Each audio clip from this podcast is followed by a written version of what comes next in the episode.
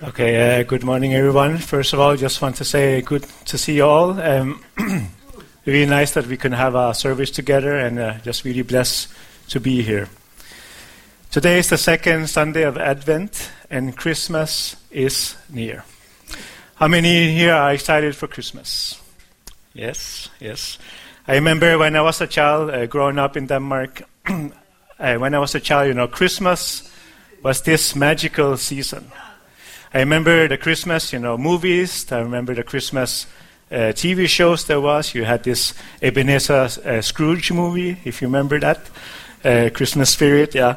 Uh, you have all the Home Alone movies, if anyone remember those movies. Uh, you had this Christmas uh, Disney show, which was called From All of Us to All of You, with, you know, Mickey Mouse, Donald Duck, and this cricket. I can't remember his name, but yeah, you, you probably remember this. And besides all this, you know, these memories, this tradition, Christmas was a warm and hopeful and joyful season. It was a time of peace, a time of love, and a time of joy. It was a time of being, you know, the best version of yourself. I remember when I was a child, you know, it was a thing to say, you know, Merry Christmas as you would greet people you know, you would say uh, in Danish, "God jul, glædelig jul," even to you know to strangers, because it was it felt good to greet people with a Merry Christmas. It was a way just to to wish them the best somehow. You know, it was a nice greeting. And the countdown for Christmas was also exciting because there was this expectation of Christmas Day. There was this expectation of Christmas Day just being a day full of love, a day of what we call in Denmark hygge, uh, musi in Swedish. You know, it's a time of just spending time with family, with loved ones, you know, enjoying the company. There was this expectation of Christmas somehow being this, you know, perfect day. I remember as a child, I didn't know what Christmas was all about. I just knew somehow that Christmas was about love, Christmas was about peace, and Christmas was about joy. Now, as an adult today, I know that Christmas is all about Jesus coming into the world. And Christmas is still about love, it is still about joy, and it is still about peace. Amen. It's the second Sunday of Advent. Christmas is near. The kingdom of God is near. And that's what I want to talk about today. Today's message I've entitled, The Kingdom of God is Near. The Kingdom of God is near. Before I continue, let us just pause for a while, let us just bow our heads, and let us pray. Yes, Lord Father, thank you so much because you are here, Lord. Thank you, Father, because you're always with us, Lord. We don't always, we're not always aware of you. We don't always feel your presence. But we know by faith that you walk with us, Lord, that you are always with us, Lord. And we thank you for that, Lord. Thank you for the season of Christmas where we can be reminded once again that you came to be closer to us, Lord. You, come to, you came to be near us, Lord Father, because you love us, you care for us, Lord. Thank you so much that we can gather here today as one church family, Lord Father, and just worship you together. That we can spend time with one another and just be in your presence. Thank you, Father, for today. Thank you for everything you have done for us. Thank you, Lord, for everything that you do for us on a daily basis. Thank you so much for everything. I pray that you speak to us today. I pray that you lead us closer to you, lead us closer to one another as we have this Sunday service together, Lord. Thank you so much. In Jesus' name, amen. Amen. So I have three points I'd like to share. The first point the kingdom of God is near. So, what is the kingdom of God? The kingdom of God is where God rules and reigns. When the Jews at the time of Jesus thought or talked about the kingdom of God, most likely they understood the kingdom of God as a literal kingdom. You know, Israel was supposed to be restored by the coming Messiah. That's what they were thinking. Israel would be free from the rule of Rome and they would have a restored kingdom, a kingdom that would last forever. So when they talked, when they heard about the kingdom of the God is near, they were thinking about the coming Messiah who would change you know, things politically. They were thinking of a physical change. They were thinking of the kingdom of God as a physical place. And they were looking forward to experience the kingdom of God. Today, as Christians, we might think about the kingdom of God as being a place as well. We might think of the kingdom of God as a place where God rules and reigns, where God's will is done. You might see the kingdom of God as heaven. And we're looking forward to experience heaven. How many in here would say that you're looking forward to experience heaven? Yeah. Some of you are not so sure. Maybe, you know, you don't want to go to heaven. I, I want to go to heaven. I don't know about you, but I want to go there. I want to experience heaven. We don't know so much about heaven, how it's going to look like, how it's going to be. But I kind of compare it, compare the excitement of heaven, the expectation of heaven, to the excitement, to the expectation of Christmas through the eyes of a child, with a childlike faith. We might not know how heaven will be like, how, how it will be look like, but we believe that it will be a place filled with love, thanks, filled with love, filled with peace, and filled with joy. It will be a place that we want to be. It will be a place that we can look forward to, a place that we can call home. Not because of how it looks like. I know the Bible talks about, you know, the streets of heaven being, uh, being like gold or being uh, streets of, of gold. But that's not what makes heaven exciting. What makes heaven exciting is not on how it's going to look like, but what makes heaven exciting is who will actually be there. Amen. And the most exciting thing about heaven is that Jesus will be there. Amen. Just think about it that you and I will meet Jesus face to face.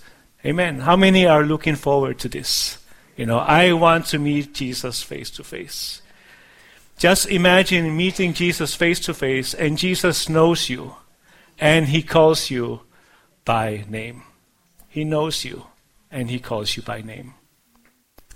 It says in Revelation 21, verse 1 to 4 Then I saw a new heaven and a new earth, for the old heaven and the old earth had disappeared, and the sea was also gone. And I saw the, the holy city, the new Jerusalem, coming down from God out of heaven like a bride beautifully dressed for a husband. I heard a loud shout from the throne saying, Look, God's home is now among his people. He will live with them, and they will be his people. God himself will be with them.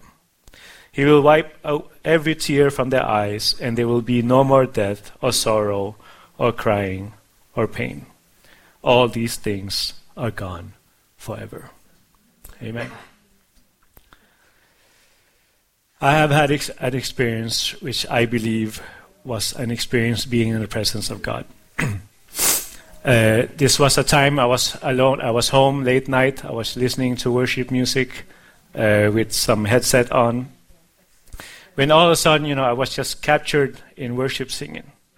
Means to say, I just started to, to feel this, you know, joy building up in me, worshiping God. Have you experienced this, you know, when you just start worshiping God? And somehow, you know, you just don't want to stop. You just want to continue worshiping and worshiping God. That's what I felt. You know, just getting carried away in the worship. And I could just feel this joy in my heart, you know, just becoming stronger and stronger and stronger. And the joy, you know, yeah, just wanted to burst out to the point that I just, you know, in my living room, no one is there. I was just down on my knees, you know, just praising God and just worshiping Him, just singing and praising Him. You know, I was crying tears of joy. There was water coming out of my eyes. There was water coming out of my nose. You know, in, in all of this, even though I had my eyes closed, I just experienced, you know, the whole room just being, you know, uh, it was like uh, brightened up, you know, that it was like as if there was like a strong light in front of me. It felt like there was this bright light in front of me, and it felt literally felt like as if, you know, Jesus is standing right in front of me. You know, this bright life of love, this bright light where I experience a peace and a joy that I have never experienced before. And then again, the water starts to run out of the eyes, of the nose.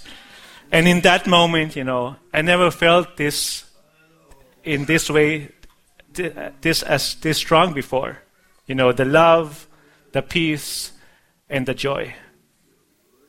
If I had a bad day that day, you know, if I had any kind of worries that day, if I had people that I needed to forgive that day, all of those were gone. You know, the, the only thing that was left in me was just love, peace, and joy. Love, peace, and joy. And in that moment, when I experienced this bright light in front of me, in that moment, I was ready. You know, if God somehow in that moment wanted to bring me home, I would go without any hesitation. Because I experienced that this is really the best place to be. To be in the presence of God. This experience I had, you know, I would say it was a powerful experience. But even though it was such a powerful experience, I believe that this was just the tip of the iceberg. You know, I wouldn't say that I experienced the fullness of God. I would say that I probably experienced, you know, a small fingertip of God. Just a small part of Him. And I can only imagine when I finally meet God face to face. Just imagine when you meet God face to face, when we experience the fullness of God when we meet Him as He is. What a joyful day that will be. Amen. I don't know your experience of being in the presence of God. I don't know what your expectation of heaven is. But I believe that heaven and being in the presence of God, it will be, you know, full of love, full of peace, full of joy in a way that we have never experienced before. And it will be the best place to be without any doubt. Amen.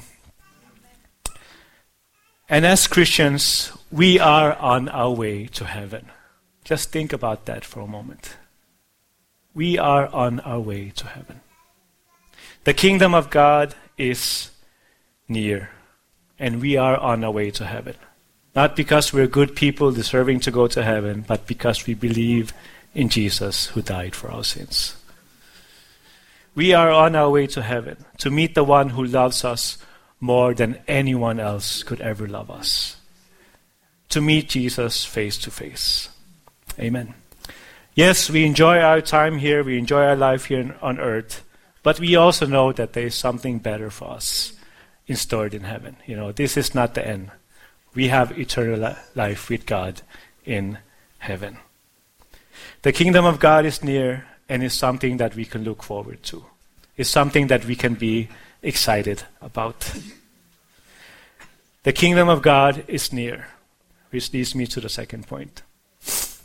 the kingdom of God is already among us. We go to Luke 17, verse 20 to 21.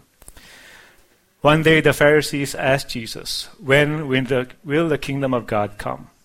Jesus replied, The kingdom of God can be detected by visible signs. You won't be able to say, Here it is, or it's over there.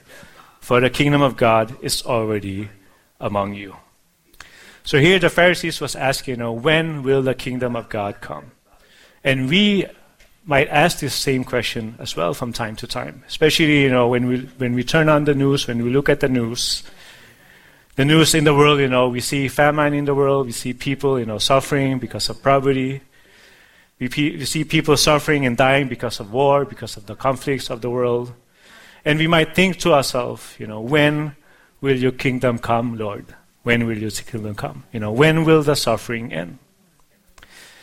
But just like the Pharisees, we must be careful that we don't become too focused on the kingdom of God that is to come. That we miss out on the kingdom of God that is already here, right here, right now, today. We must be careful that we don't just live out our life with our eyes only towards heaven. That we miss out on the opportunity to bring the kingdom of God here to earth. Amen. Jesus taught us to pray in Matthew 6, verse 9 and 10. Pray like this Our Father in heaven, may your name be kept holy. May your kingdom come soon. May your will be done on earth as it is in heaven. May your kingdom come. May your will be done on earth as it is in heaven. I believe the general will for God for people is to experience the love and forgiveness of God. It is to know and to have a personal relationship with God through Jesus Christ. I believe that this is the will of God for the whole world to bring the kingdom of God to people and to invite people to be part of the kingdom of God. The question is are we willing to be used to do the will of God? Are we willing? We are encouraged by Jesus to pray for God's will to be done on earth as it is in heaven. But the question is when was the last time, you know, we prayed this type of prayer? When was the last time we actually prayed for the kingdom of God to come through our life? When was the last time we prayed what I would say is the most challenging prayer to pray? The most challenging prayer we can pray is, Lord, use me to show love to someone today. Lord, use me to lead someone closer to you today. I believe this is the most challenging prayer that we can pray. Because what is challenging with this prayer is that most likely, when we pray this type of prayer, this type of prayer will actually be answered. And that's why, you know, I hesitate to pray this type of prayer. Because I know that God most likely will answer it. And I know that when God will answer this type of prayer, you know, it will lead me into an uncomfortable situation. And I don't like to be out of my comfort zone. You know, I like comfort. I like things to be nice and easy. How many are like me? Yeah. I don't like to feel uncomfortable. But I know that if I pray this type of prayer, God will put me in an uncomfortable situation. But I also know that God will put me in a situation to actually share about Him. So in the end, you know, it will be a blessing because I will be able to do His will, which is a blessing in itself. When we put ourselves in this situation, when we pray this type of prayer, it can lead us to bring the kingdom of God even closer to people. Amen. But it takes that, you know, we, we take this step. It takes that we are willing. The kingdom of God is near, and the kingdom of God is already here among us. The kingdom of God is even closer than we might realize. Which leads me to the last point. The kingdom of God is within you and me. So we go to Matthew verse, uh, chapter 1, verse 23. Look, the virgin will conceive a child. She will give birth to a son, and they will call him Emmanuel, which means God is with us. Emmanuel, God is with us. Amen. And this is what Christmas is all about. Christmas is all about Almighty God, all powerful God, all knowing God coming to earth as a human being. To come closer to you and me. To walk with us. In all of this because God loves us. He cares for us. And God is with us. When we think about the kingdom of God, when we think about God, we don't need to limit our thinking that God is just, you know, somewhere up there. That we look out to heaven and we look up to heaven, we shout out to God, and somehow, you know, God just looks down to us. God is much more near to you and me than we many times realize. God is with you and me. Amen. He is with you and me. I want you to turn to the person sitting next to you and just remind them, just tell them, God is with you.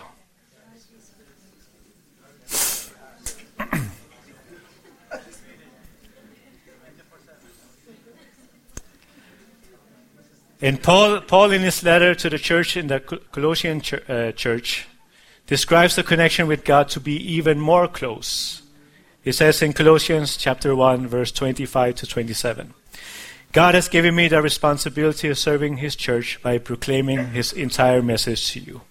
This message was kept secret for centuries and generations past, but now it has been revealed to God's people. For God wanted them to know that the riches and glory of Christ are for you Gentiles too. And this is the secret. Christ lives in you. This gives you assurance of sharing his glory. Amen. If you believe that Jesus died for your sins, Christ lives in you. Amen. You know, he is much closer than we many times think. He's much closer to you and to me. God knows you and me better than anyone else. It talks about in the Bible that God knows even the numbers of our hairs. And God knows that I am losing hair.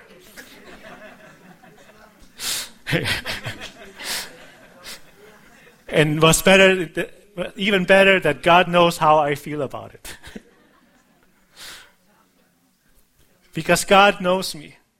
God knows everything about you and me, and He loves and He cares for us. But sometimes, for whatever reason, you know, we have a. We, sometimes we just wander off. We have a tendency to wander off. Sometimes we just don't feel God. You know, sometimes we, we might get distracted.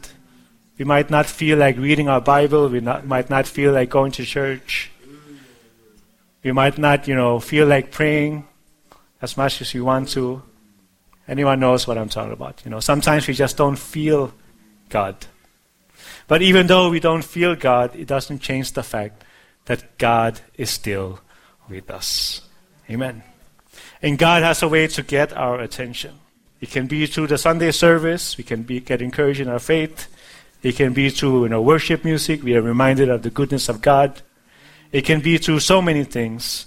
But make no mistake, the kingdom of God is within us. Christ lives in us, and He is the one who reminds us. He's the one who speaks to our hearts.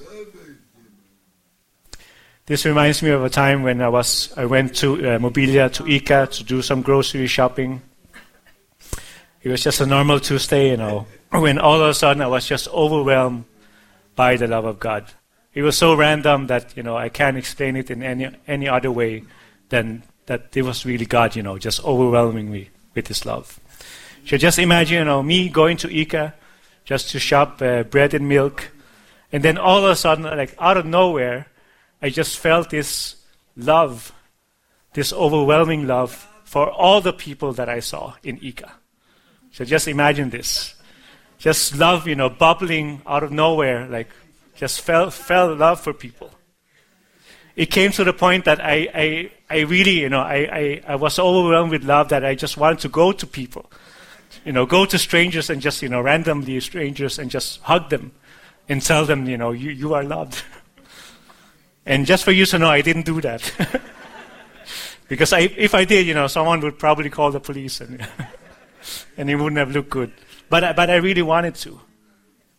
And my point is, you know, God has a way to remind us. God has a way to get our attention. He has a way to remind us. This simple reminder that I am with you. I am with you. And sometimes it can be through this overwhelming emotional experience. You know, we feel love, we feel the presence of God. But many times it can be just a small whisper. Many times it can just be a thought. Many times it can just be a small voice that tells us and reminds us, I am with you. I am with you. And every time we get this simple reminder, it brings us so much love, so much peace, and so much joy. Amen. The kingdom of God is near, and we are on our way to heaven, which we can look forward to. The kingdom of God is even more near because it is already here among us. We want to see the kingdom of God on earth as it is in heaven. And we want to see people to enter and to be part of the kingdom of God. The kingdom of God is even closer than we might we, we many times think. God lives in us, leading us and reminding us that He is so close to us, closer than you know we many times realize.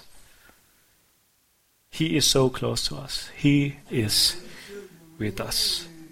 The kingdom of God is near. Let us pray. Yes, Lord Father, thank you so much because you are here, Lord. Thank you, Lord, that even though we don't always feel your presence, we don't, we're not always thoughtful about you or aware of you, Lord, but we know that you are with us because that's what you promise us, that you will never leave us, you will never forsake us. And Lord, I just pray that that even like we know you're with us, Lord, but I pray that you give us these reminders from time to time, Lord. Give us this small voice that just reminds us of your presence. Give us this overwhelming, you know, emotional experience that just reminds us of your presence, Lord. Speak to us, Lord Father. Remind us how much you love us, that you care for us, that you are with us, Lord. Thank you so much, Father, for everything you have done for us, Lord. Thank you, Lord, for everything that you do for us on a daily basis. Thank you again, Lord, because you walk with us, that you know us, you love us, you care for us, Lord. I pray, Lord Father, that you just continue to remind us, Lord. Remind us of your presence. Remind us that you are with us, Lord that you are always near, Lord. Thank you so much for today. Thank you so much for everything, Lord. In Jesus name. Amen. Tack för att du har lyssnat på undervisning från oss i Malmö Pingstförsamling. Så roligt att du tog del av det här. Om du blev berörd på något sätt, eller om du fick några tankar eller funderingar, eller om du tog emot Jesus, så vill vi jättegärna höra från dig.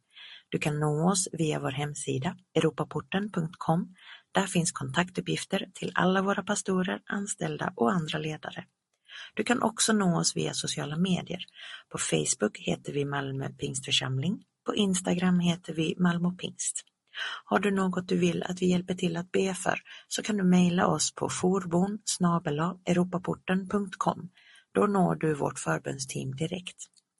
Tack än en gång att du lyssnade. Hoppas att vi ses framöver på gudstjänst 10.30 på söndagar eller på någon av våra andra samlingar. Känn dig varmt välkommen. Ha det så bra så länge och Gud välsigne dig.